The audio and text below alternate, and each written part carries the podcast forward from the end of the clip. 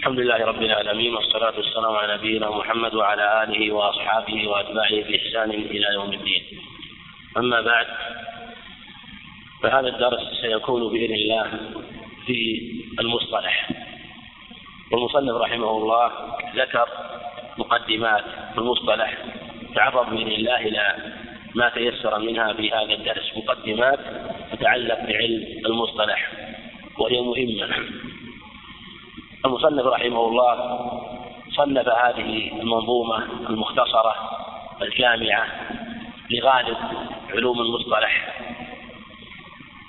وانتخبها من نخبة الفكر بل نظمها من مسائل نخبة الفكر للحافظ بن حجر رحمه الله لأن نخبة الفكر للحافظ رحمه الله نخبة عظيمة انتخبها اختارها وهي متينة قوية ويوصي بها أهل العلم بحفظها والعناية بها. وأهل العلم بعد الحافظ رحمه الله نظموها. منهم من بسط ومنهم من توسط ومنهم من اختصر. والمصنف رحمه الله نظمها نظما مختصرا جامعا بغالب مسائلها إن لم يكن لجميعها فإنه يعلم مسائل النخبه بالنظر في هذه المنظومة. المصدق هو يوسف الغزي رحمه الله من علماء الشام المقدس أو من غزة فلسطين عالم كبير رحمه الله طلب العلم ورحل إلى مصر وإلى العراق وكذلك إلى المدينة وجد واجتهد رحمه الله حتى حصل وفاق أقران رحمه الله وبقي مدة طويلة في المدينة يعلم ويدرس الحديث ويفتي رحمه الله حتى اشتهر أمره وعلم. وحتى إن علماء المدينة في زمن في في زمنه لما أنه شغر منصب الإفتاء في زمانه كتبوا إلى علماء مصر. من ترون في علماء مصر إلى شيخ الأزهر هناك من ترون أن يصلح لهذا المكان؟ فكتبوا لهم باسم هذا الإمام يوسف الغزي رحمه الله بقي مدة طويلة. يفتي ويدرس وينشر العلم رحمه الله. ويقال أو يذكره رحمه الله عن نفسه أنه جاء إلى بعض البلاد فلسطين أو في الشام فالتقى ببعض العلماء من علماء الهند وظن أنه يفوقهم علما. وناقش بعض علماء الهند في بعض المسائل فغلبوه. وكأن هذا في بداية طلب رحمه الله أو بعد التوسط فعند ذلك احتقر ما عنده وعلم أنه مهما بلغ الإنسان من العلم فإنه يكون بحاجة وكلما ازداد علمه كلما علم جهل نفسه. فرجع رحمه الله وطلب العلم مرة أخرى ولا يزال في طلبه في من مصر وفي العراق وكانت زاخرة بالعلماء. ولم يزل على حال سديدة رحمه الله. حتى توفي سنة تسعين ومائتين وألف رحمه الله وغفر الله له. وله مصنفات في الحديث وفي غير الحديث ومن هذه هذه المنظومة المختصرة منظومة جيدة وليست بالطويلة بل هي متوسطة. نعلم أن المصطلح هذا العلم علم عظيم. وهو من العلوم الشرعية. ونسبته إلى علوم الشريعة أنه آلة ووسيلة يتوصل بها إلى علم الشريعة وليس مقصودا بذلك إنما هو يتوصل به فهو من علوم الآلة من علوم الآلة التي يعلم بها قوانين الرواية وأصول الرواية والمروي كما سيأتي الإشارة إليه في كلام المصنف رحمه الله. والعلماء اعتنوا بالحديث وبرواية. وصنفوا فمنهم من صنف في الرواية وأصول الرواية ومن تثبت روايته ومعرفة الصحيح من الضعيف والمقبول من المردود والأصول التي يعلم بها طبقات الرواة. ومنهم من صنف في الأحاديث تبين الأحاديث الصحيحة من الأحاديث الضعيفة من الأحاديث الموضوعة. ومنهم من صنف في كتب الرجال فصنفوا كتبا في الرجال. ولا يكاد يحفظ لعالم من العلماء من علماء الحديث إلا وصنف. فصارت المصنفات في المئات مصنفات عظيمة. وصنفوا في التاريخ. منهم من يصنف في الرجال عموما. منهم من يصنف في الرجال خصوصا. مثلا تاريخ دمشق تاريخ المدينة تاريخ مصر.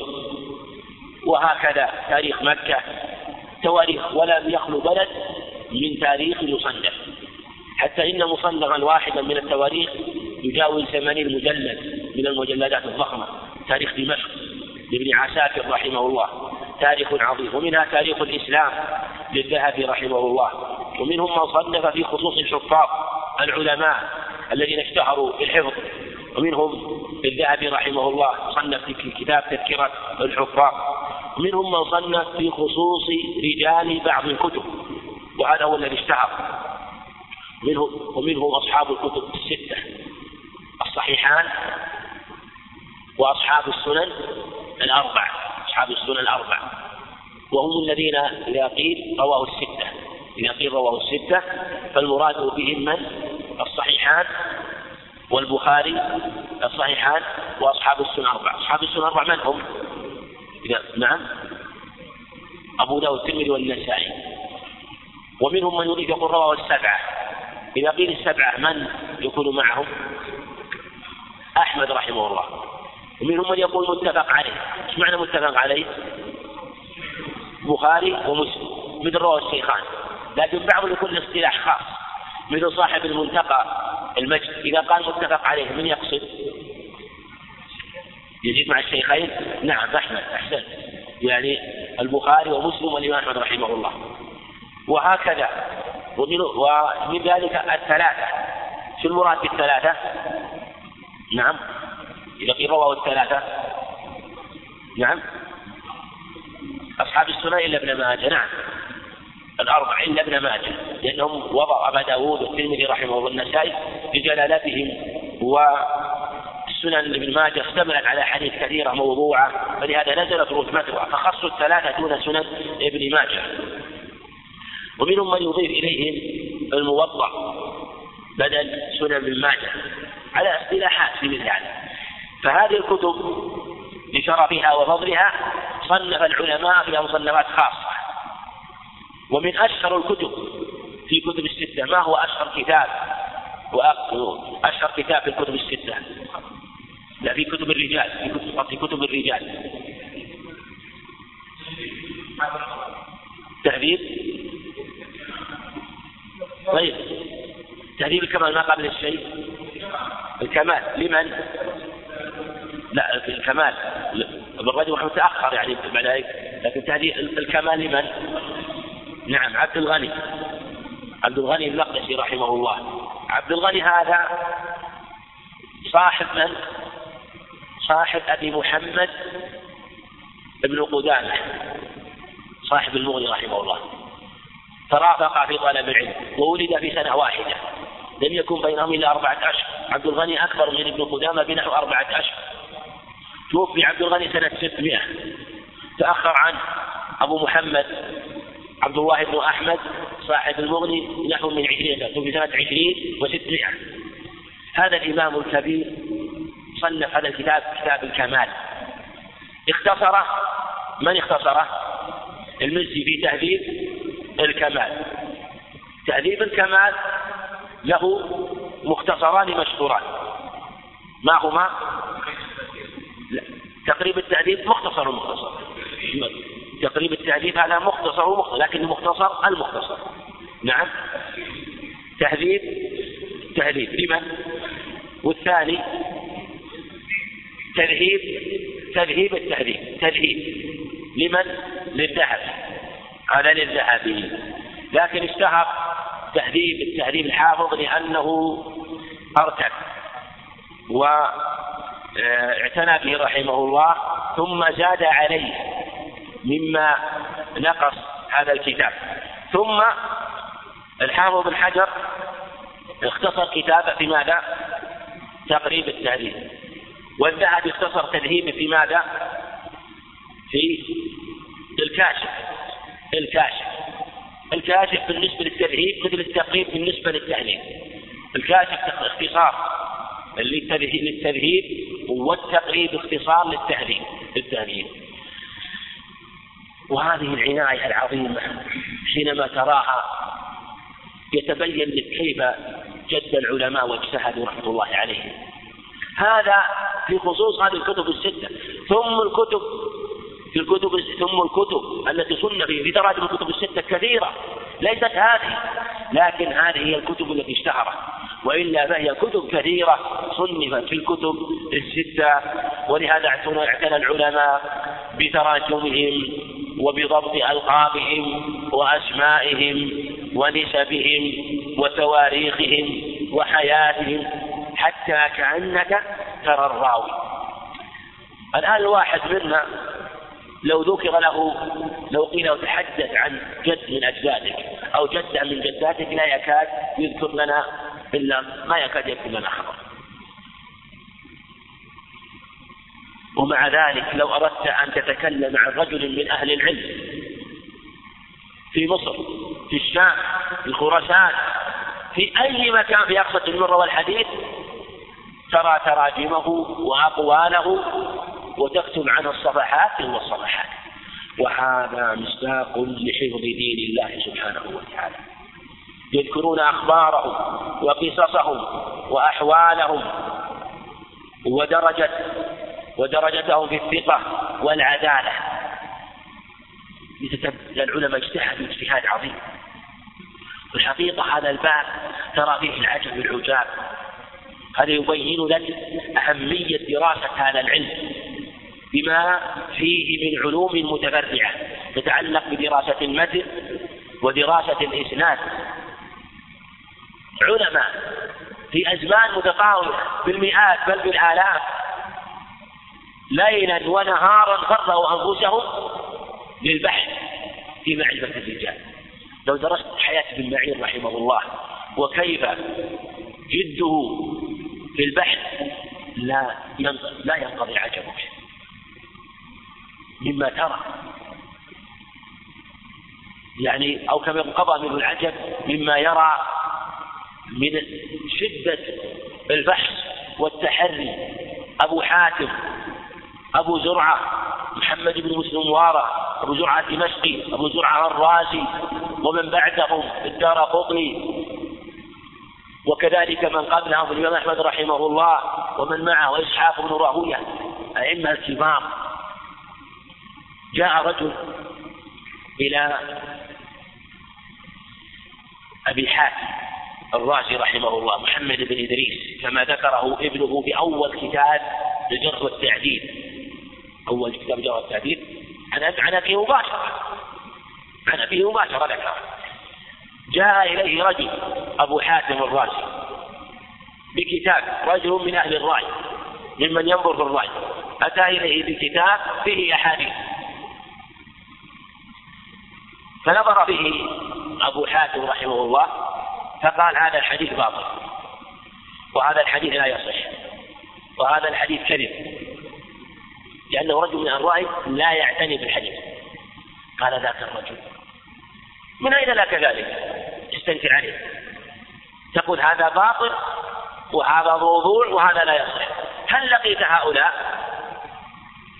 هل رأيتهم؟ هل أدركتهم؟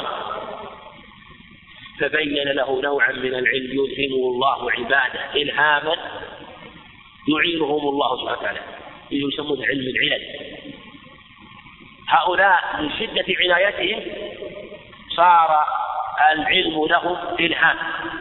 يلهمون علم الحديث علم العلل من أين لي؟ بصحة قولك. بهذا. قال قال تعرف هذا أن تأتي إلي وأن تسألني عن هذا الحديث. وتذهب إلى أبي زرعة. وتسأله عما سألته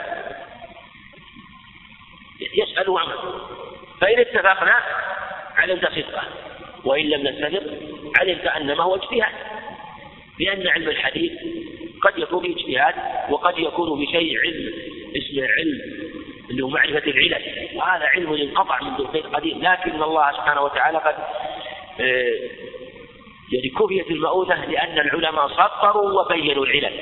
لكن هذا كما قال ابن الجوزي رحمه الله في أول كتابه موضوعات علم اندثر أو كاد يندثر. لم يبق منه شيء إلا ما سطر في الكتب وعلم أهل العلم لأنه إلهام. قال فذهب إلى أبي حاتم الرازي. إلى أبي حاتم الرازي. إلى إلى أبي زرعة. إلى أبي زرعة الرازي. فسأله عما سأل عن أبا حاتم. نفس الأحاديث. فقال هذا الحديث لا يصح. وأبو حاتم قال باطل. وقال في هذا الحديث موضوع وأبو حاتم قال لا يصح. فجاء إليه كالمعترف. قال إني سألت أبا زرعة فقال هذا باطل. وأنت قلت فنظر فوجد قال باطل فيما في وأبو زرعة وأبو حاتم قال لا يصح. وقال هو موضوع مثلا وأبو وأبو حاتم قال باطل. قال أبو حاتم رحمه الله الباطل لا يصح. والموضوع باطل يعني عبارة مختلفة والمعنى واحد. قال كيف لكم هذا؟ بدأ يسلم. كيف لكم هذا؟ قال له أبو زرع أبو حاتم رحمه الله. إذا أتيت إلى الصيرفي وأعطيته دينارا بهرجة ودينارا صحيحا. البهرج السوء المغشوش دينار نحاس لكنه ظاهره اللي ما يعرف نعم يظن أنه دينار ذهب ما يعرف ما يميز. مثل الذهب المغشوش يعني لبس فصار كانه ذهب ودينار صحيح. صورة واحدة تماما فأعطاه الصائغ فاخذ فنظر. فقال لك الصائغ هذا الدرهم بهرج باطل وهذا الدرهم صحيح. تقول له من إلى هل ولا تسلم؟ نعم. تسلم. لأنه ماذا؟ صاحب صنعة. طيب. قال كذلك نحن. كذلك نحن.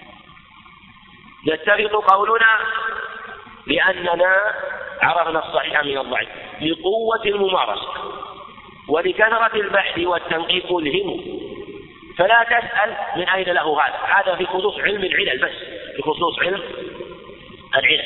الصيرفي كيف عرف هذا؟ مع طول الممارسة؟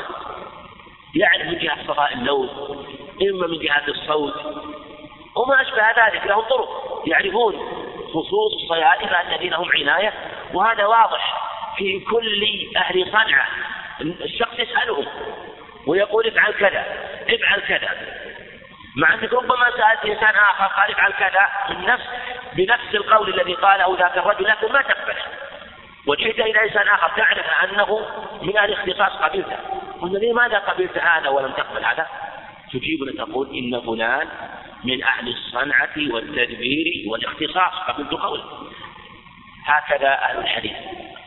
أما ما يتعلق بعلم الرواة والاتصال والانقطاع فهذا رزق الله هؤلاء العلماء مع الإخلاص واليقين. قوة الحفظ قوة الحفظ التي تردم الكذابين.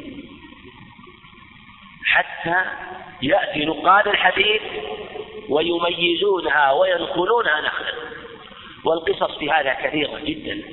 بل إنه ربما يأتي الإمام الكبير يختبر الإمام الكبير.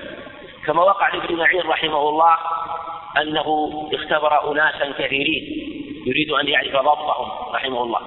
ومن أشهر القصص في هذا قصة البخاري رحمه الله مع مع أهل من؟ البخاري له قصة مشهورة حينما اختبروه. من هم الذين اختبروه؟ أهل نعم؟ أهل بغداد. اختبروا أهل بغداد. القصة طويلة لكن حاصلها أنهم جاءوا عشرة رجال بعشرة أسانيد. كل إسناد له حديث. كل إسناد له حديث. أو كل حديث له إسناد بمتنه. أتوا بهذه العشرة الأسانيد؟ كل واحد من عشرة أسانيد؟ خلط متونها بأسانيد أخرى جعل كل إسناد بحديث آخر. والثاني مثل والثاني مثل عشرة في عشرة كم إسناد؟ مئة إسناد. كم متن؟ مئة متن. مئة متن ومئة إسناد خلطوا أسانيدها. هو جاءهم وهم كانوا يسمعون كان في ذلك الوقت غلام صغير لم لكن سمعوا عنه. سمعوا عن غلام حافظ يمكن لم يتجاوز حدود العشرين. لأنه لما كان عمره 11 سنة رحمه الله قد حفظ مصنفات وكيع وغيره قد حفظها وحفظ علما كثيرا وتواريخ كثيرة قبل البلوغ. فلما جاوز البلوغ اشتهر أمره وسمعوا عنه. فلما جاء مرة يعتبروه ينظروا هل هذا صحيح أم ليس بصحيح. بدون اتفاق جاءوا بأحاديث لا يدري ما هي من أي البلاد. وجلس الناس في مجمع عظيم وجلس هو في مجلس وقالوا لنا أن نقرأ عليه. كالعادة حينما يأتي الحافظ نريد أن نقرأ. هو يظن قراءة يقرؤون بالأحاديث فقرأ الأول عشرة أسانيد. قرأها. خلط أسانيدها بمتونها حتى إن نفس القارئ هذا الذي حضرها لو لو قلت له أعد الخطأ ما استطاع. مع أنها قد استعدت. والناس ينظرون. وهو يقول نعم نعم حتى أتم العشرة فمنهم من يقول لم يعرف. ومنهم من قال إنه قد فطن ما يدرون حتى. فلما فرغ الثاني جاء الأول جاء الثاني بالعشرة. والثالث حتى أتموا مئة إسناد بمئة حديث. ركبوا أسانيدها على متونها لما فرغوا رجع إلى الأول. قال أما ما قلته كذا وكذا فرد الأسانيد التي أتى أتى بها ماذا؟ مقلوبة مخلوطة جاءتها ورد الخطأ كما كان لأول مرة سمعه فقال ما ذكرت من إسناد كذا فصوابك. حتى رد الأسانيد إلى متونها والمتون إلى أسانيدها مع أنه ذكر الخطأ قبل ذلك حتى أتم العشر في فعند ذلك تعجب. فقالوا ليس عجبنا بردك الخطأ إلى الصواب لكن عجبنا بحفظ الخطأ من مرة واحدة بأسماء تختلف تضطرب. مئة إسناد الإسناد ما بين خمسة رجال إلى ستة رجال بمتون مختلفة. وهذا لا شك حفظ عظيم منحه الله هؤلاء العلماء فحفظت السنة. ولهذا كانت لهم الإمامة في الدين رحمة الله عليهم وبقيت مصنفاتهم إلى يومنا هذا يتعلمها الناس بحفظ الله سبحانه وتعالى. ثم العلماء بعد ذلك وضعوا قواعد وضوابط للمصطلح يعرف بها قوانين وأصول الرواية كما سيأتي الإشارة إليه. نعم المصنف رحمه الله ابتدأ هذه المنظومة رحمه الله بقول الحمد لله على الإنعام. لا سيما الإيمان والإسلام. ابتدأ بالحمد لله. وهذا هو السنة أن يبتدأ بالحمد. تقدم معنا في درس الفقه أن السنة في المصنفات أن يبتدأ يجمع بين البسملة والحمدلة ابتداء بالكتاب العزيز وهو القرآن العظيم. ومنهم من اكتفى بالحمدلة قوله الحمد لله ال هنا لاستغراق الجنس. يعني جميع أنواع المحامد لله وعلامة ال التي لاستغراق الجنس أن يقع كل موقعها المعنى كل الحمد لله. جميع أنواع المحامد والثناء لله سبحانه وتعالى. فكل ما يثني به أنبياؤه ورسله وعباده الصالحون نثني عليه سبحانه وتعالى. لا نحصي ثناء عليه وكما أثنى على نفسه. والحمد معناه شرعا أو اصطلاحا هو الاخبار عن محاسن المحمود مع حبه وتعظيمه. هذا هو الحمد الإخبار عن محاسن المحمود مع حبه وتعظيمه وإجلاله. يشتمل الحمد على الإخبار مع الحب. بخلاف المدح فإنه يشتمل على مجرد الإخبار ولا يلزم أن يكون معه الحب يقول مدحت فلانا أخبرت بمحاسنه ولا يلزم منه الحب ولا يلزم منه الحب أما الحمد فيشمل هذا وهذا. ولهذا تخبر عن محامده وتثني عليه سبحانه وتعالى بكل شيء. ويحمد على كل شيء حتى على الضراء. ولهذا لا يحمد على مكروه سوى سبحانه وتعالى. فالله عز وجل يثنى عليه ويحمد على كل حال. بخلاف المخلوق لا يحمد على الضراء إنما يحمد على السراء. أما الله عز وجل فيحمد على كل حال. عجبا لأمر المؤمن إن أمره كله له خير إن أصابته سراء شكر فكان خيرا. وإن أصابته ضراء صبر فكان خيرا. فهو في كل الأحوال يصبر ويحمد الله سبحانه وتعالى. على الإنعام. النعمة نعمتان. نعمة الإسلام نعم دينية ونعم دنيوية. والنعم الدينية أعظمها نعمة الإسلام. والنعم الدنيوية هي ما ينعم الله سبحانه وتعالى على العبد بسائر النعم من المال والصحة وما أشبه ذلك من النعم الدنيوية. لكن النعمة العظمى هي نعمة الإسلام. ولهذا تحمد الله سبحانه وتعالى على هذه ولهذا أشكرك لتشكره على نعمه سبحانه وتعالى. وتحمده وتثني عليه على الإنعام. وهي النعمة التي تصلح سائر النعم وتستقيم بها النعم الدنيوية. لا سيما لا نافي الجنس سي معناها في اللغة مثل. سي ومفرد جمعها سيان. تقول هذان سيان أي مثلان. وسي مفرد سيان. لا سي يعني لا مثل لا مثل.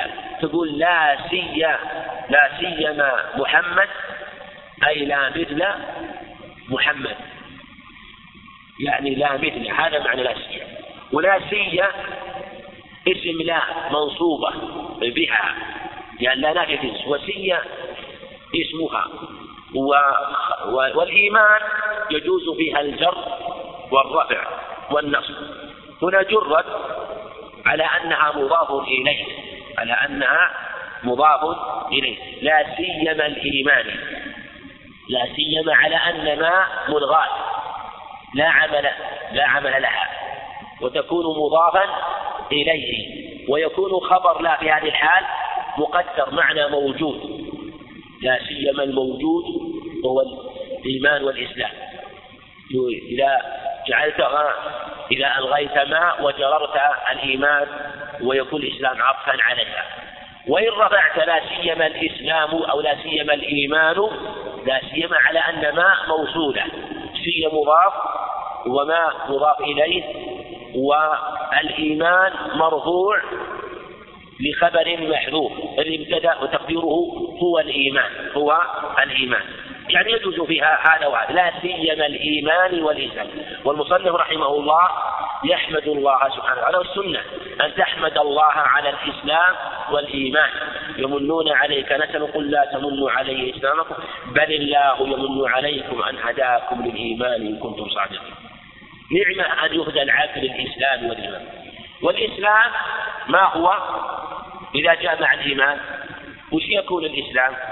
نعلم أن الإسلام والإيمان إذا اجتمعا يكون الإسلام له معنى والإيمان له معنى. وش معنى الإسلام إذا قلنا بالإيمان؟ نعم. أحسنت نعم. يكون الإسلام هو الأعمال الظاهرة. والإيمان؟ نعم الأعمال باطن واعتقاد. إذا إذا اجتمع الإسلام والإيمان فالمراد بالإسلام الأعمال الظاهرة. ومنه أركان الإسلام الخمسة ولهذا قال النبي عليه الصلاة والسلام بني الإسلام على خمس. والإيمان هو الأعمال الباطنة الإيمان بالله وملائكته وكتبه ورسله. يقول العلماء إذا اقترنا ماذا؟ افترقا وإذا افترقا اجتمعا. إيش معنى إذا افترقا اجتمعا؟ إذا قلت يا أخي أسلم أدعوك إلى الإسلام تدعو الكافر إلى الاسلام، إيش معنى تدعو إلى الإسلام؟ ظاهرا وباطنا، نعم تدعو إلى أن يسلم ظاهرا وأن يكون أيضا موقنا باطنا. فهذا هو الإسلام عند الإطلاق. كذلك الإيمان. إذا دعوت إذا قلت الإيمان وخصال الإيمان وش معناه؟ يشمل ماذا؟ الخصال الظاهرة والباطنة، يشمل الخصال الظاهرة والباطنة. هذا هو ولهذا قال النبي عليه الصلاة والسلام الإيمان بضع وستون. لفظ بضع وسبعون شعبة ذكر خصالا أعلاها قول لا إله إلا الله. أدناها؟ إمامة الأذى. أعلاها خصم ظاهرة. وأدناها خصم ماذا؟ ظاهرة. ذكر خصال الإيمان بالأعمال الظاهرة. وذكر بضعا وستين أو بضعا وسبعين شمل شملت كل خصال الإيمان والإسلام إذا هذا هو الإسلام والإيمان حينما يجتمعان وحينما يفترقان. النبي عليه الصلاة والسلام قال وفي عبد القيس أدعوكم إلى الإيمان. أتدرون ما الإيمان؟ ثم دعاهم إلى شهادة إلا إلا الله وأن محمدا رسول الله وإقام الصلاة وإيتاء الزكاة وأن تؤدوا الخمس من المغنم. قال أدعوكم إلى الإيمان. فسر لهم الإيمان بخصال الإسلام. إذا حينما نفسر الإيمان وحده يدخل فيه جميع الخصال. الظاهر والباطن. حينما نفسر الإسلام يدخل فيه جميع الخصال الظاهرة والباطنة ولهذا الكافر إذا إذا دعوته إذا إذا قال أشهد أن لا إله إلا الله خلاص نكف عنه.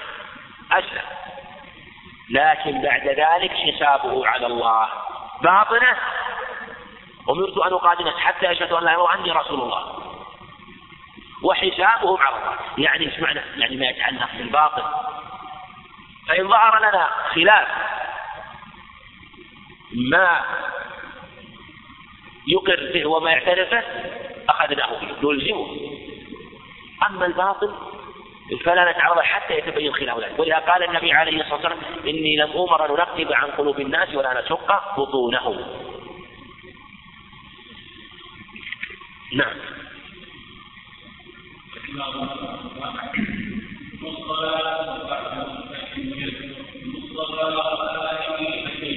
نعم. ثم يعني ثم بعد ذلك لما حمد الله سبحانه وتعالى أثنى بالثناء على النبي عليه الصلاة والسلام. وهذا هو السنة للعبد في كل أحواله. أن يبدأ بالثناء على الله أولا ثم تثني عليه عليه الصلاة ثانيا ثم تشرع في المقصود ثالثا. هذا هو السنة. ومن سلك هذا المسلك حري أن تقضى حاجته إما عينها وإما مثلها. ثم الصلاة. الصلاة على النبي عليه الصلاة والسلام معنى الثناء عليه بالملأ الأعلى هذا هو الصلاة. كما قال أبو العالية صلاة الله عليه ثناؤه عليه بالملأ الأعلى. وهذا هو الصواب في هذه المسألة. قيل الصلاة الرحمة لكنه قول ضعيف وقد بسط العلامة القيم رحمه الله في جلاء الأفهام بالأدلة الكثيرة الواضحة. فالصلاة هي الثناء. إن الله وملائكته يصلون على النبي يا أيها الذين صلوا عليه وسلموا تسليما. يعني أثنوا عليه ولهذا نثني عليه عليه الصلاة والسلام بعد الأذان ثم الصلاة بعد بعد ضرب مبني على الضم قطعه عن الإضافة. والتحية التحية هي السلامة من جميع النقائص والعيوب. يعني التحية عليه عليه الصلاة والسلام بجميع ما يحيي به الناس. ويقال ويعني نقول في الصلاة التحيات لله والصلوات الطيبات وهو وهي بمعنى الثناء لكنها تشمل جميع أنواع التحايا التي يحيي الناس بعضهم بها بعضا. ثم الصلاة بعد والتحية للمصطفى. وهو النبي عليه الصلاة والسلام. والاصطفاء معناه الاختيار.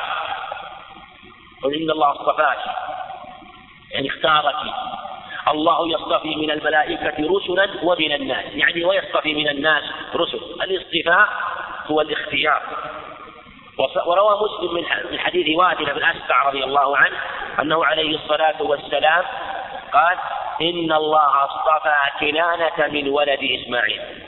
واصطفى قريشا من كنانة واصطفى من قريش بني هاشم واصطفاني من بني هاشم. شوف هو عليه الصلاة والسلام خيار من خيار من خيار. اصطفاء بعد اصطفاء بعد اصطفاء ثم اصطفي من بني هاشم عليه الصلاة والسلام.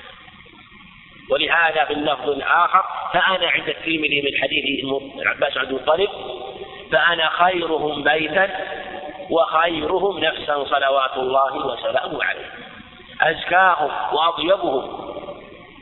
فهو خيار وهذا هو المصطفى الاصطفاء هو الانتقاء والاختيار. الصحيحين من حديث أبي هريرة رضي الله عنه أن آدم عليه الصلاة والسلام يقول لموسى إذا عاد إذا حصل أن يكلمه وأن يعاتبه كما يعاتب الأب ابنه وش يقول آدم لموسى؟ أنت موسى الذي ماذا؟ اصطفاك الله. يقول أنت موسى الذي اصطفاك الله بلساناته بكلامه فيقول فالمعنى أن الله اختارك. فالاصطفاء والاختيار. وآله أي آل النبي عليه الصلاة والسلام. وآله في خلاف والأظهر أن الآل معناه أن الآل هم الذين منعوا الصدقة منعوا الزكاة أن الآل هم الذين منعوا وهذا هو الأظهر أن جميع موارد الآل في الزكاة جميع مواردها في الصلاة وفي كل كذلك أيضا الصلاة عليه في الصلاة عليه في التشهد المراد بالآل على الصحيح هم الذين منعوا الزكاة. وهم بنو هاشم وأهل بيته أزواجه ويختلف في من منع الزكاة؟ قيل بنو مطلب بنو هاشم والأظهر أنهم بنو هاشم. وهم الذين يرادون بالصلاة عليه اللهم صل على محمد وآله. الصحيحين اللهم صل على محمد وأزواجه. الصحيحين اللهم صل على محمد وآله. فسر الأزواج أدخلهم في الآل. فدل على أن آله أن آله عليه الصلاة والسلام هم ذري هم أزواجه وكذلك بنو هاشم بنو هاشم.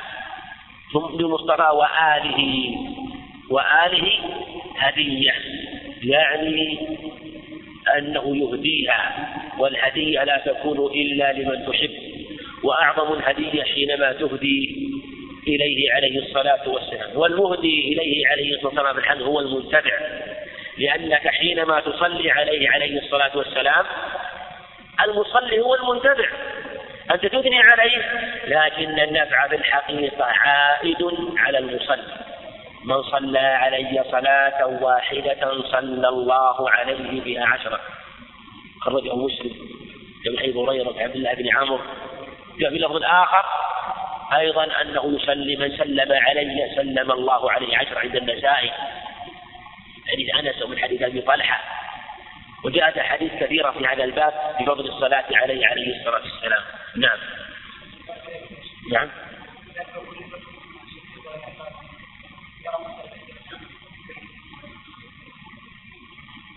لقد ثم الصلاة بعد والتحية للمصطفى. وآله لقول للمصطفى عطف على للمصطفى وآله نعم. وآله للمصطفى وآله يعني الصلاة والتحية للمصطفى وآله. لأنه يجوز الصلاة على الآل تبعا يعني يجوز الصلاة بل إنه يجوز الصلاة على غير على غير النبي عليه الصلاة والسلام. لو قلت اللهم صل على محمد أو تقول لنا رجل صلى الله عليه جائز يعني الصلاة على الغير الصلاة على آل هذا جائز بلا خلاف. إنما الخلاف في الصلاة ابتداء. تقول صلى الله عليه يقول صلى الله عليه هذا موضوع الخلاف وإن كان يجوز أحيانا ولا يتخذ عادة كما قال عمر لعلي صلى عمر لعلي صلى الله عليه. نعم. وبعد.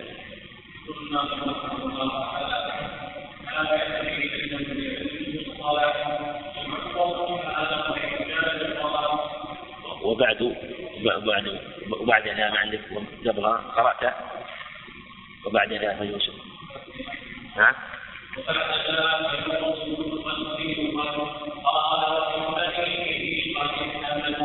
نعم. وبعد ذا يعني هذا شروع في بيان المقصود وماذا يريد المصنف رحمه الله. ثم عرف بنفسه رحمه الله. وهذا حسن حتى يدعى له. ويعرف رحمه الله وغفر الله له ورفع درجته وعفى عنه. رحمه الله وبعد ذا فيوسف الغزي قد مثل ما تقدم أنه نسبة إلى غزة رحمه الله قال قال يعني إما أراد أنه قال قولا عقده في نفسه إن كان لم يكتب هذه المنظومة إلا بعد هذه المقدمة. أو قال حقيقة إن كان قد كتبها قبل ذلك.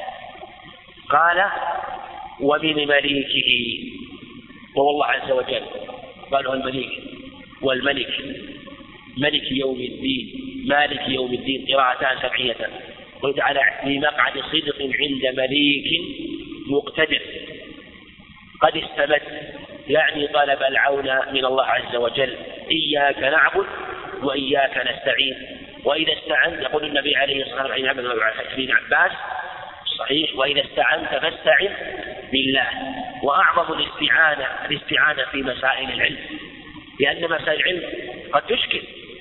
ولهذا يأمر أهل العلم طالب العلم أن يجتهد في الاستعانة بالله عز وجل واللجأ إليه سبحانه وتعالى. بعد البحث ومع البحث وقبل البحث الاستعانة بالله عز وجل في كل الأحوال. وأعظم الاستعانة هو اللجأ واللهج بذكره سبحانه وتعالى. ومن ذلك ما روى مسلم عن عائشة أنه عليه الصلاة والسلام قال كان يستفتح صلاته في الليل اللهم رب جبرائيل وميكائيل وإسرافيل فاطر السماوات عالم الغيب والشهادة أنت تحكم بين عبادك فيما كانوا فيه يختلفون. اهدني بما اختلف فيه من الحق بإذنك إنك تهدي من تشاء إلى صراط الواحد قد يبحث المسألة في عشرات الكتب. ثم لا يظهر له الحق. وقد يلجأ إليه سبحانه وتعالى بعد بذل الوسع ثم يفتح له في مسألة في هذه المسألة. والبحث من أعظم الأسباب لكن السبب حسي مأمور به وهنالك أسباب شرعية حسية وهو اللجأ إليه سبحانه وتعالى. فاللجأ إليه في المطالب الدينية والمطالب الدنيوية. ولهذا من أعظم أسباب بل إن الجنة لا وصول إليها إلا بالأسباب الشرعية والعلم من أعظم العبادات. فلا وصول إليه إلا بتقوى سبحانه وتعالى. واللجأ إليه واتقوا الله ويعلمكم الله. هذا جاء عن كثير من السلف عن أحمد رحمه الله وعن غيره ويروى عن جمع من أهل العلم أنه يقول إنه ربما بحث من تفسير الآية في مئة كتاب من كتب التفسير. يجتهد. وقد لا يرى الصواب إلا بعد ذلك حين يبذل الوسع وجهده وكان تقي الدين رحمه الله يذهب إلى المساجد المهجورة في القرى ويتمرغ فيها رحمه الله ويضع خده في الأرض ويلجأ إليه سبحانه وتعالى يسأله أن يفتح له سبحانه وتعالى. وهذا واقع كثيرا في اللجأ إليه سبحانه وتعالى وطلب الإعانة والمدد. نعم.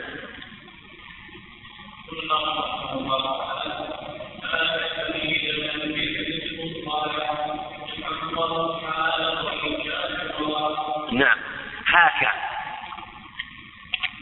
اسم فعل أمر معنى خذ. فريدة. فريدة موصوفة باسم الفعل يعني خذ فريدة.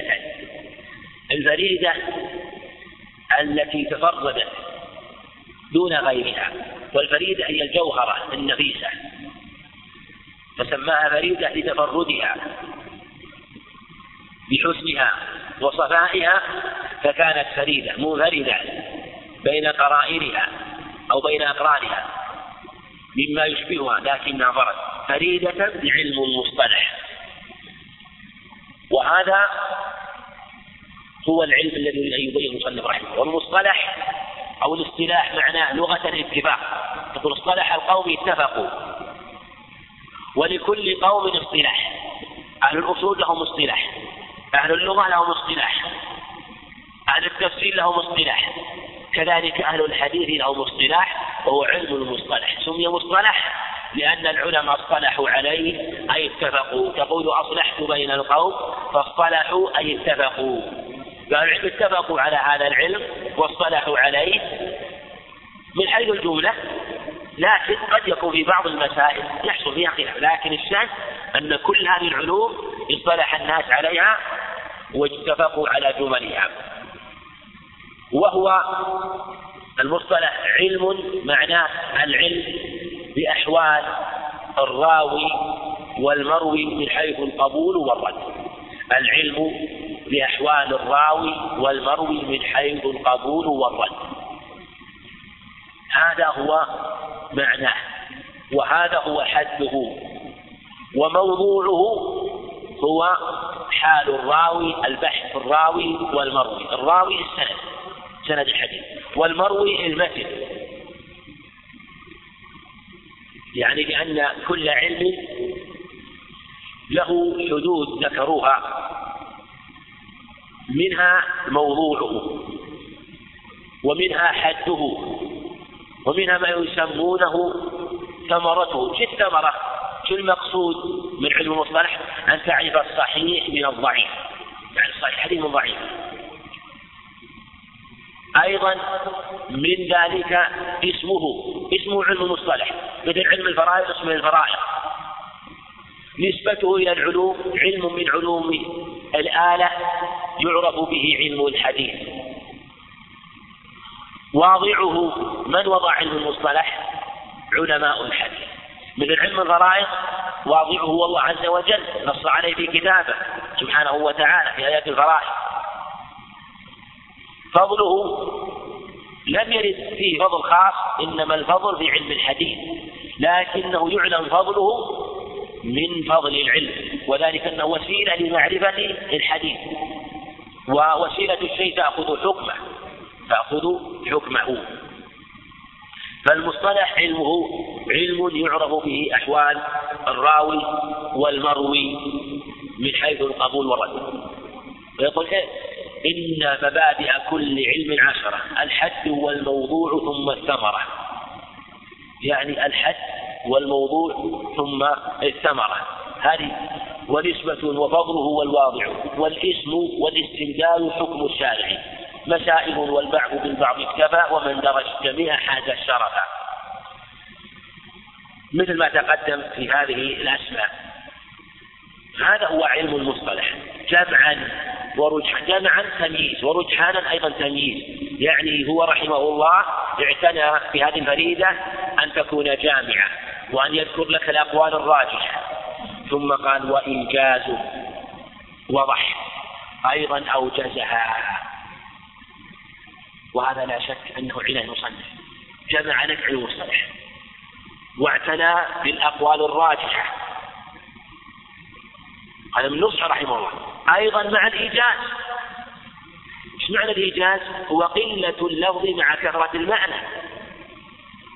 بخلاف المختصر المختصر قلة اللفظ لكن لا يلزم منه كثرة المعنى لأن المختصر قد يخل لكن الإيجاز هو المطلوب. ولهذا لما قال لعمار لقد أبلغت وأوجزت ووددنا أنك تنفست قال إن طول صلاة الرجل وقصر خطبته مئنة من فقه.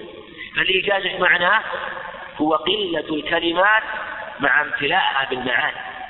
ولهذا المصنف قال وإيجاز وضح اشتراس واحتراز حتى لا تظن أن إيجاز لم يتضح. أو إيجاز فيه قصور لا. هو إيجاز وضح.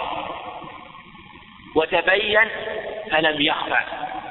ولا شك أن هذه المعاني الجمع والرجحان والإيجاز مع الإيضاح مما يعين طالب العلم على فهم هذا العلم. نعم.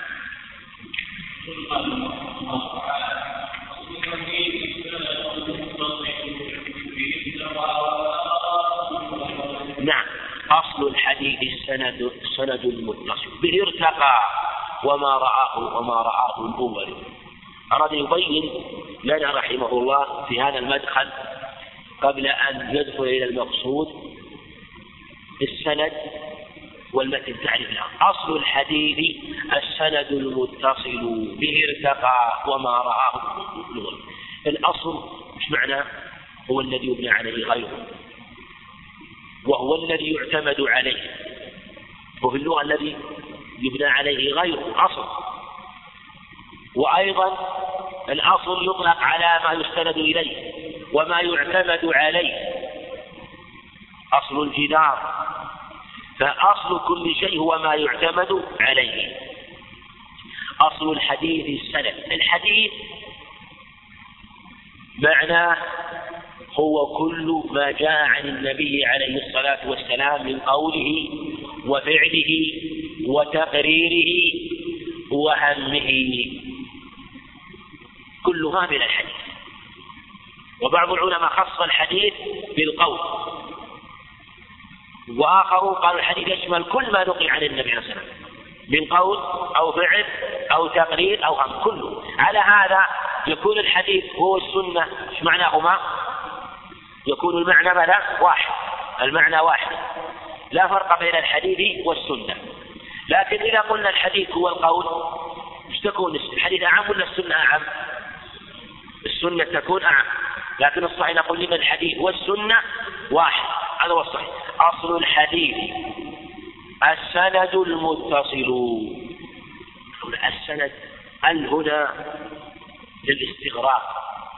السند المتصل يعني السند المستوفي لجميع الشروط. قول السند المتصل يعني هو المعتمد. المعتمد هو الحديث الذي استوفى الشروط. لأن سيأتينا أن الحديث له شروط حتى يكون ماذا؟ حتى يكون صحيحا سيأتينا هذا. الحديث له السند له شروط. فإذا استوفى هذه الشروط وش يكون السند؟ صحيح. إذا هذا هو الحديث المعتمد هذا هو السند المعتمد. إذا ثبت السند فإننا نأخذ به ونحتج به. السند المتصل. قول المتصل السالم من جميع علم به ارتقى يعني به على على غيره مما لم يكن متصلا. وما رآه الأول يعني هم الذين الأول هو العلماء المتقدمون الذين رأوه واختاروه. يريد بهذا الرد على من خالف لأن بعض علماء الكوفة يقولون إن الحديث المرسل مقدم على الحديث المسند. الحديث المرسل مقدم على المسند. قالوا لأن إذا قال لك إنسان لو سألك إنسان عن واقعة لو سألت عن عن حادثة وقعت قال رجل من الناس حدثني فلان عن فلان عن فلان أنه وقع كذا وكذا. شخص آخر قال نعم وقع كذا وكذا ولم يخبر بالسند. قالوا الذي أخبرك بلا إسناد أبلغ. أبلغ. لأن الذي أخبرك بإسناد أحالك. قال أخبرني فلان حالك على فلان. والذي أخبرك بغير إسناد تكفل لك. وأيهم أفضل الكفيل ولا المحيل المتكفل يتكفل. لك وهذا لا شك. قياس لا يصح. نقول الذي أسند ذكر لك الحديث أو الواقعة بسندها. والذي لم يسند لا تدري من بينك وبين من بينك من بينه وبين من أخبرك قد يكون في كذاب مجهول. فالمقصود من هذه أن يرد على من قال إن الحديث المرسل أقوى من المتصل و آه، وأن هذا لا يصح ولا يصح. وهذا سيأتينا بيانه إن شاء الله. نعم.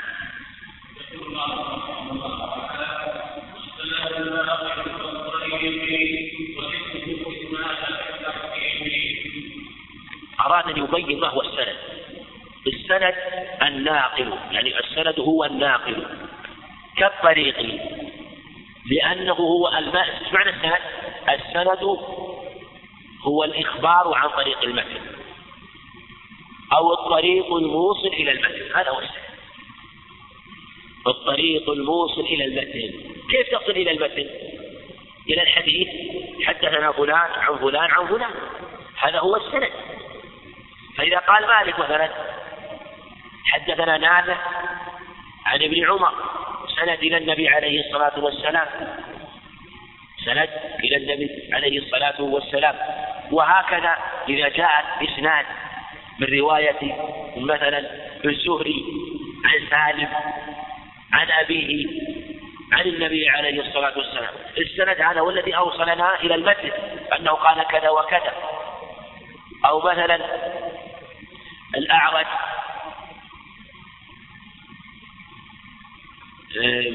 مثلا لو جاء سهيل أبي صالح عن أبيه عن أبي هريرة وما أشبه ذلك.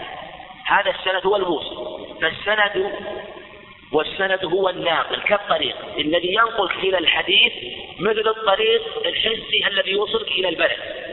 فكما أن الطريق يوصلك إلى البلد إذا سرت عليه فلا تصل إلى البلد وإلى المقصود المكان المقصود إلا بالطريق. إذا تركت الطريق لا تصل إلى إلى المقصود. وكذلك أنت لا تصل إلى الحديث إلا عن طريق إلا من طريق السند. وإذا كان الطريق سالما إذا كان الطريق سالما من العيوب سالما من النقص كان الوصول إلى إلى المتن أبلغ. وإذا كان الطريق فيه صعوبات مثل الطريق الحسي الطريق الحسي الممهد تعبر إليه وتصل مباشر لكن إذا كان الطريق ليس ممهدا فيه أودية فيه مرتفعات فيه منخفضات. يصعب الوصول إلى المقصود إلا بعد البحث والتعب.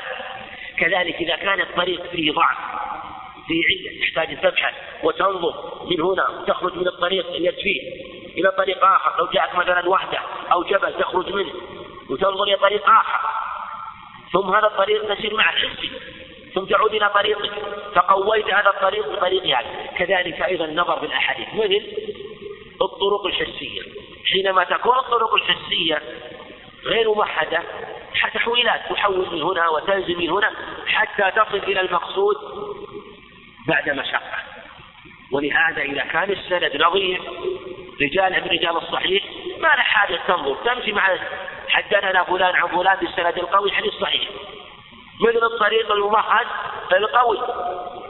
تصل إلى المقصود مباشرة إلى البلد مباشرة. لكن إذا كان الطريق فيه ما فيه كذلك الحديث. إذا كنت تبحث في سند ثم وجدت فيه إنسان مدلس أو ضعيف حكم السند هذا؟ إذا كان فيه إنسان ضعيف حكمه؟ ضعيف إذا كان إنسان سيء الحفظ إنسان مثلا اختلط له أوهام كثيرة ضعيف. تكتفي ولا تحتاج إلى طريق آخر. تبحث عن طريق ثاني تبحث.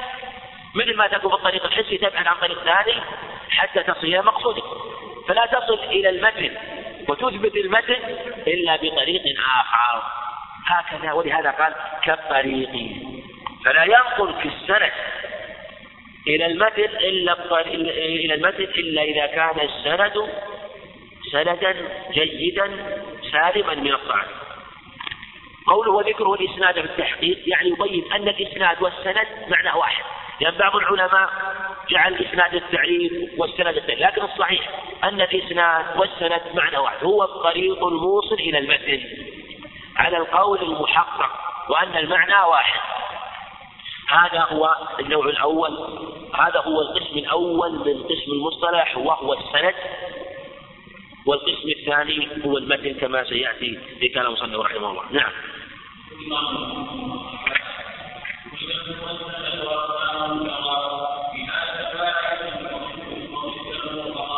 نعم على قف على القول والصحيح قبل ذلك يعني سوف يكون إن شاء الله في كل درس نريد من باب الفائدة والتطبيق أن يطرح سؤال حتى يراجع آه، فيه مسألة معينة ويكون الجواب من الغد. وينظر ما تيسر فيما تيسر في الأجوبة آه، في هذه ما تيسر في الأجوبة آه، وتطبيقها من جهة الصواب من عدمه. تقدم معنا لهذا أن قلنا إن السند هو المتصل يعني إلى الصحابي وأن الحديث المتصل بالصحابي هو المعتمد. أما المرسل فلا. لو كما قلنا إن خلاف الكفر الذين يعني أتاك بالحديث مرسلا أعطاك الحديث مرسلا فإن الصواب كما تقدم أن المسند بكامل إسناده هو المقدم على من سقط منه واحد فأكثر سواء كان الصحابي أو من بعده. وعلى هذا من باب يعني البحث سوف أذكر لكم اسم أحد الرواة يبحث فيه وينظر في روايته هل هي من باب المتصل المسند أو من باب الحديث المرسل؟ الراوي هو محمد بن أبي بكر الصديق. محمد بن أبي بكر الصديق. هذا أريد مراجعة ترجمته لمن تيسر عندك بعض كتب الرجال ومن لم يكن ممكن يستعين ببعض إخوانه أو يبحث إن كان عنده آلة في البحث ببعض الأقراص التي يبحث فيها في هذا الاسم وتكون مراجعته في كتاب يراجع في الإصابة للحافظ بن حجر وفي تهذيب التهذيب وفي تقريب التهذيب. يعني هذه المراجع الثلاثة. يعني تهذيب التهذيب وفي الإصابة وفي تقريب التهذيب محمد بن أبي بكر الصديق بن أبي بكر الصديق وروايته وحكم روايته. إذا روى حديثا وما هي طبقة يعني ما هو شو تابعي صحابي إذا كان تابع حكم رواية الصحابي حكم روايته. نعم. من باب المثال حتى يكون فيه بحث ونظر فيما ذكره المصنف رحمه الله وهذا سيأتينا أيضا أوضح بعد ذلك في حينما يدخل في هذه المسائل خاصة في الصحيح والضعيف. لعل يتيسر مثلا أن نذكر مثال إما حديث أو غيره يكون محل البحث حتى يطبق بعض ما يراجع في هذه المسائل. لأن المصطلح في الحقيقة مبني على التطبيق. المصطلح على التطبيق. وفي الحقيقة حينما تطبق تجد فيه أنس ومتعة خاصة البحث في تراجم الرجال وفي وفي أخبارهم وفي رواياتهم مع أنه يعطيك علم عظيم. وأيضا معرفة تواريخ هؤلاء ويكون فيه معرفة لأخبارهم والأحاديث التي رووها. تستفيد مسائل كثيرة تتعلق بالتراجم تتعلق بطبقات الرواة تتعلق بنفس الأخبار التي رووها. بالأحاديث ومن رواه. حديث واحد يفيدك فوائد عظيمة جدا. ثم أيضا مع كثرة بحثك أنت يكون عندك تربة تعرف الأحاديث تعرف الرجال تعرف طبقاتهم. أثناء بحثك أيضا يمر عليك مسائل كثيرة ما قصدت في البحث عنها. تستفيد وأنت ما قصدت يعني ربما تبحث عن فائدة. ولهذا أنا أوصي بالبحث في الكتب. البحث في الكتب نافع عظيم. أحيانا ربما تبحث فائدة معينة مع بحثك في الكتب تمر عليك فوائد تنسيك تلك الفائدة التي أنت تبحثها. يمر عليك عشرات الفوائد. في تراجم في أخبار في حكايات عن السلف الله عليهم هذا واقع لمن مارس كتب التراجم والأحاديث. نعم. يقول رحمه الله والمتن والسند أقسام جرى. فيها جرى والمتن والسند أقسام جرى فيها. تباين وضده فرى فرى فعل أمر من إرقى أصبح إرقى. حذفت الهمزة وقيل رأ يعني فعل أمر من الرؤية. وهو مجزوم على حد على حد حرف العلة. أصله يعني رأ يعني تأمل. فرأ أين أصله إرقى. فانظر وتأمل. وهذا من المصنف رحمه, رحمه الله دعوة إلى أن ونصيحة أن طالب العلم ينبغي أن يتأمل وينظر. هذا العلم يحتاج إلى نظر وإلى تأمل. والمتن والسند وهذا هو علم المصطلح. المتن والسند.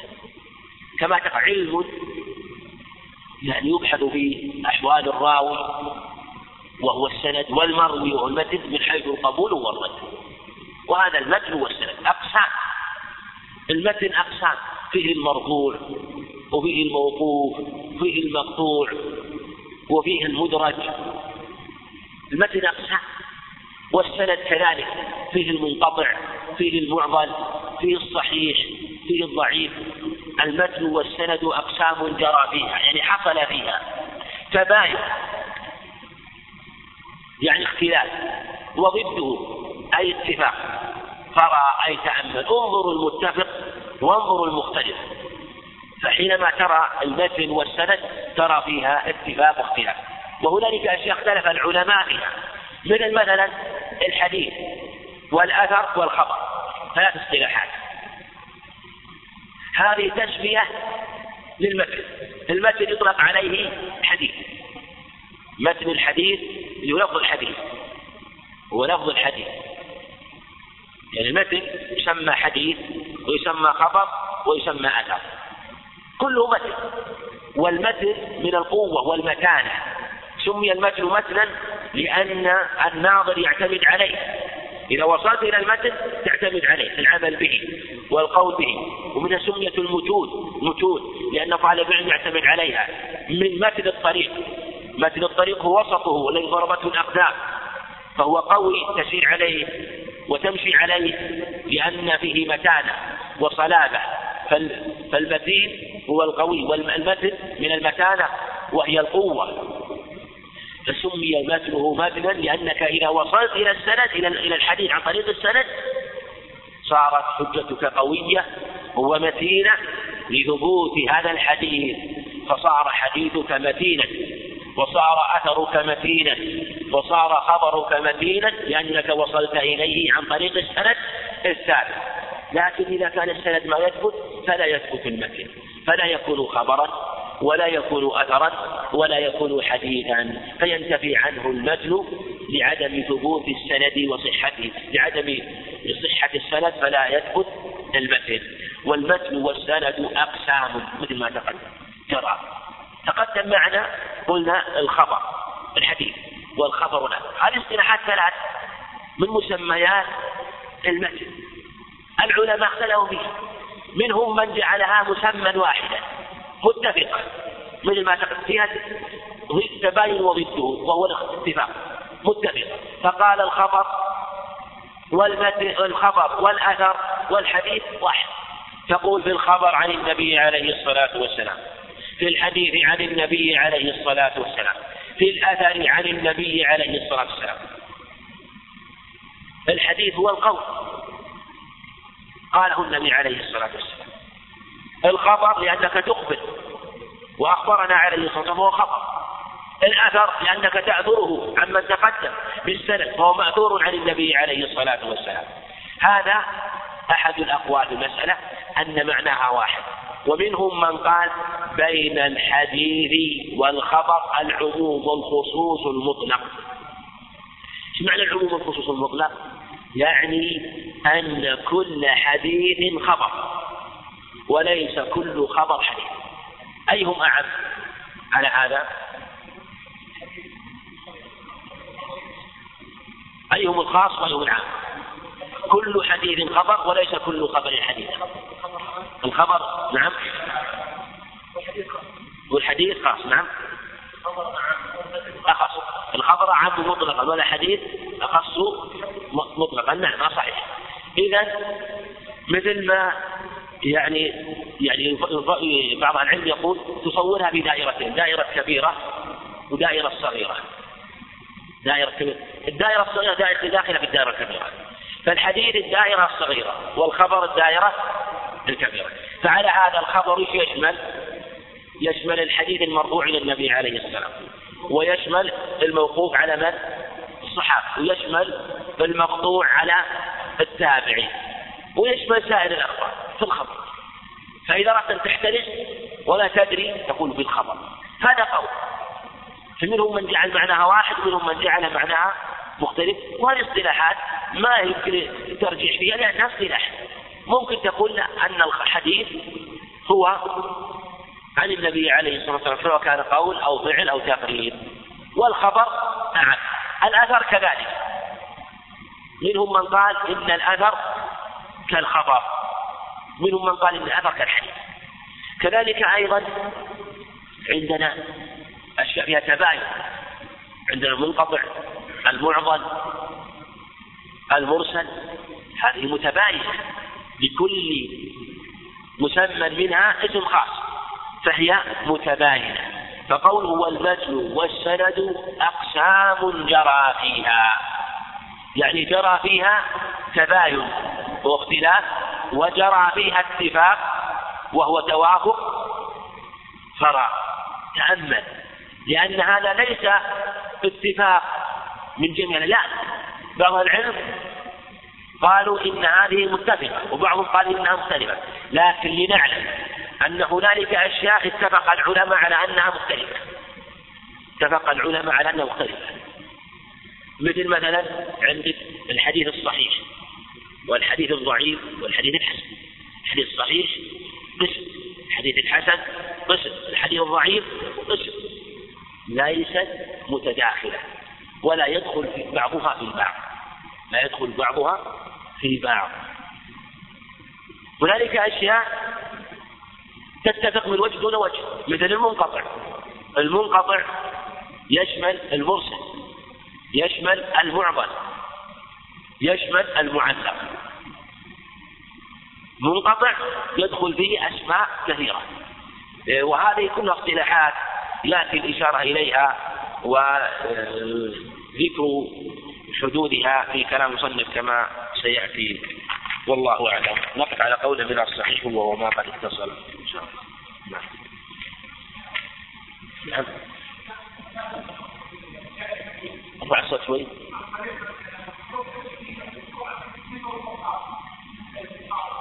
بالنسبة لماذا؟ إيه. إيه.